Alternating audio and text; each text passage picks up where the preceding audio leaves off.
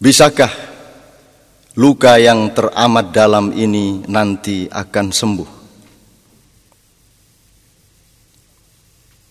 Bisakah kekecewaan bahkan keputusasaan yang mengiris-iris hati berpuluh-puluh juta saudara kita ini pada akhirnya nanti akan kikis? Adakah kemungkinan kita akan bisa merangkak naik ke bumi dari jurang yang teramat curam dan dalam? Akankah api akan berkobar-kobar lagi? Apakah asap akan membubung lagi dan memenuhi angkasa tanah air? Akankah kita semua akan bertabrakan lagi satu sama lain jarah menjarah satu sama lain dengan pengorbanan yang tidak akan terkirakan? Adakah kemungkinan kita tahu apa yang sebenarnya sedang kita jalani? Bersediakah kita sebenarnya untuk tahu persis apa yang sesungguhnya kita cari? Cakrawala yang manakah yang menjadi tujuan sebenarnya dari langkah-langkah kita? Pernahkah kita bertanya bagaimana cara melangkah yang benar? Pernahkah kita mencoba menyesali hal-hal yang barangkali memang perlu disesali dari perilaku-perilaku kita yang kemarin? Bisakah kita menumbuhkan kerendah hatian di balik kebanggaan-kebanggaan? Masih tersediakah ruang di dalam dada kita dan akal kepala kita untuk sesekali berkata kepada diri sendiri bahwa yang bersalah bukan hanya mereka, bahwa yang melakukan dosa bukan hanya ia, tetapi juga kita. Masih tersediakah peluang di dalam kerendahan hati kita untuk mencari apa pun saja yang kira-kira kita perlukan, meskipun barangkali menyakitkan diri kita sendiri, mencari hal-hal yang kita benar-benar butuhkan agar supaya sakit-sakit-sakit kita ini benar-benar sembuh total. Sekurang-kurangnya dengan perasaan santai kepada diri sendiri untuk menyadari dengan sportif bahwa yang mesti disembuhkan itu nomor satu bukan yang di luar diri kita tetapi di dalam diri kita. Yang kita perlu utama lakukan adalah penyembuhan diri yang kita yakini bahwa harus betul-betul disembuhkan justru adalah segala sesuatu yang berlaku di dalam hati dan akal pikiran kita.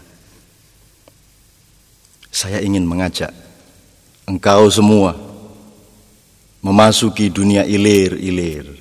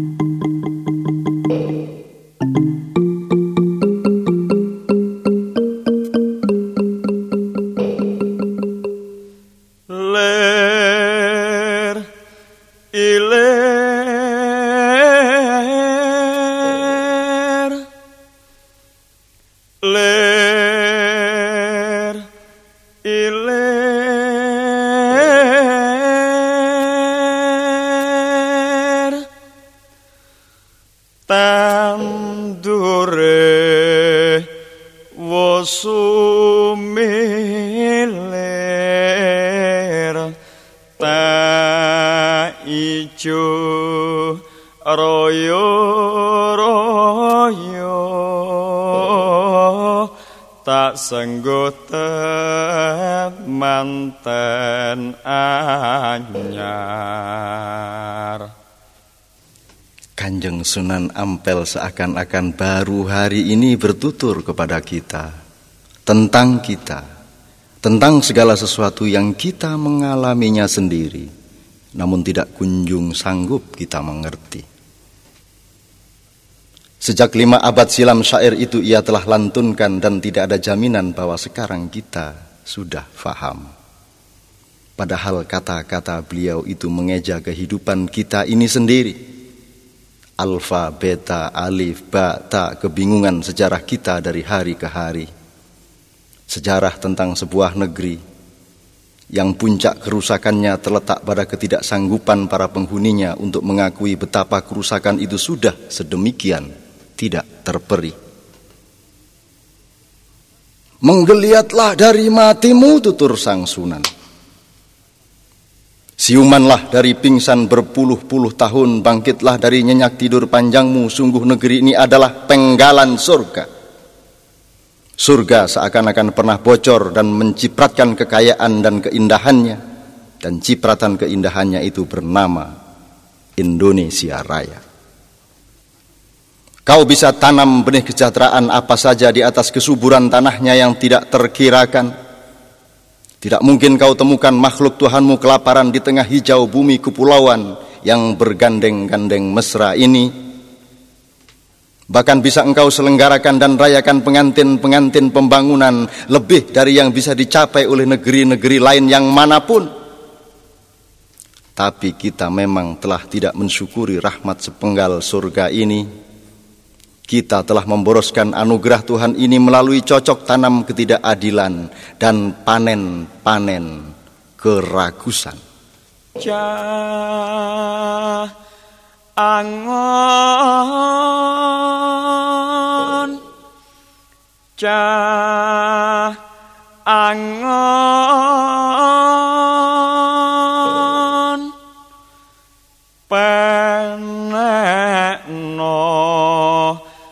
blimbing kuwi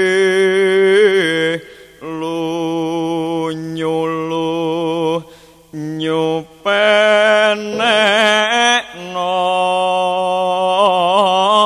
kanggo mbasuh dodot ira. Kanjeng Sunan tidak memilih figur misalnya. Pak Jenderal, Pak Jenderal juga bukan intelektual-intelektual, ulama-ulama, seniman-seniman, sastrawan-sastrawan atau apa pun, tetapi cah angon, cah angon. Beliau juga menuturkan, penekno blimbing kui, bukan penekno pelem kuwi. Bukan penekno sawo kuwi bukan penekno buah yang lain tapi blimbing. Bergigir lima. Terserah apa tafsirmu mengenai lima. Yang jelas harus ada yang memanjat pohon yang licin itu. Lunyu-lunyu penekno. Agar blimbing bisa kita capai bersama-sama dan yang harus memanjat adalah bocah angon, anak gembala. Tentu saja ia boleh seorang dokter, boleh seorang seniman, boleh seorang kiai, boleh seorang jenderal atau siapa pun. Namun ia harus memiliki daya angon, daya menggembalakan, kesanggupan untuk ngemong semua pihak, karakter untuk merangkul dan memesrai siapa saja sesama saudara sebangsa determinasi yang menciptakan garis resultan kedamaian bersama, pemancar kasih sayang yang dibutuhkan dan diterima oleh semua warna, semua golongan, semua kecenderungan. Bocah Angon adalah seorang pemimpin nasional, bukan tokoh golongan atau pemuka suatu gerombolan. Selicin apa pun pohon-pohon tinggi reformasi ini, sang bocah Angon harus memanjatnya harus dipanjat sampai selamat memperoleh buahnya, bukan ditebang, dirobohkan atau diperebutkan. Dan air saripati blimbing lima gigir itu diperlukan oleh bangsa ini untuk mencuci pakaian nasionalnya. Pakaian adalah akhlak. Pakaian adalah sesuatu yang menjadikan manusia bukan binatang. Kalau engkau tidak percaya, berdirilah engkau di depan pasar dan copotlah pakaianmu, maka engkau kehilangan segala macam harkatmu sebagai manusia. Pakaianlah yang membuat manusia bernama manusia. Pakaian adalah pegangan nilai, landasan moral, dan sistem nilai. Sistem nilai itulah yang harus kita cuci dengan pedoman lima. Dodot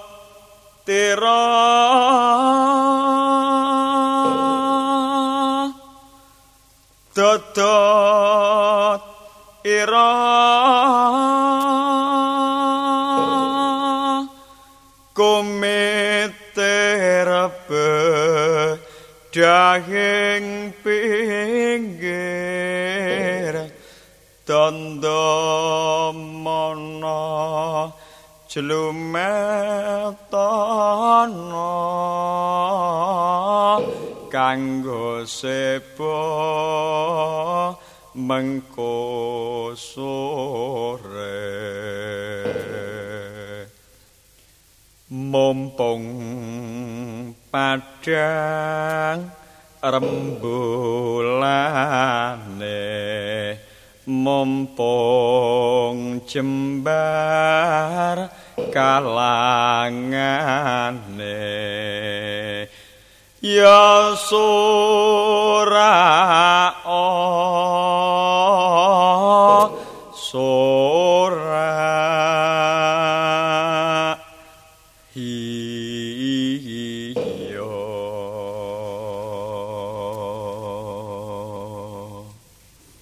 Satu tembang tidak selesai ditafsirkan dengan seribu jilid buku. Satu lantunan syair tidak selesai ditafsirkan dengan waktu seribu bulan dan seribu orang melakukannya. Aku ingin mengajakmu untuk berkeliling, untuk memandang warna-warni yang bermacam-macam dengan membiarkan mereka dengan warnanya masing-masing, agar kita mengerti dengan hati dan ketulusan kita apa muatan kalbu mereka mengenai ilir-ilir, mengenai ijoro-yoroyo, mengenai temanten anyar, mengenai bocah angon dan blimbing, mengenai mbasuh dododiro, mengenai kumitir bedahing pinggir yang akan kita bicarakan tentu saja kapan saja bersama-sama. Tapi aku ingin mengajakmu untuk mendengarkan siapa saja di antara saudara-saudara kita tanpa perlu kita larang-larang untuk menjadi ini atau untuk menjadi itu. Asalkan kita bersepakat bahwa bersama-sama mereka semua kita akan menyumbangkan yang terbaik bagi semuanya, bukan hanya bagi ini atau itu, bukan hanya bagi yang di sini atau yang di sana.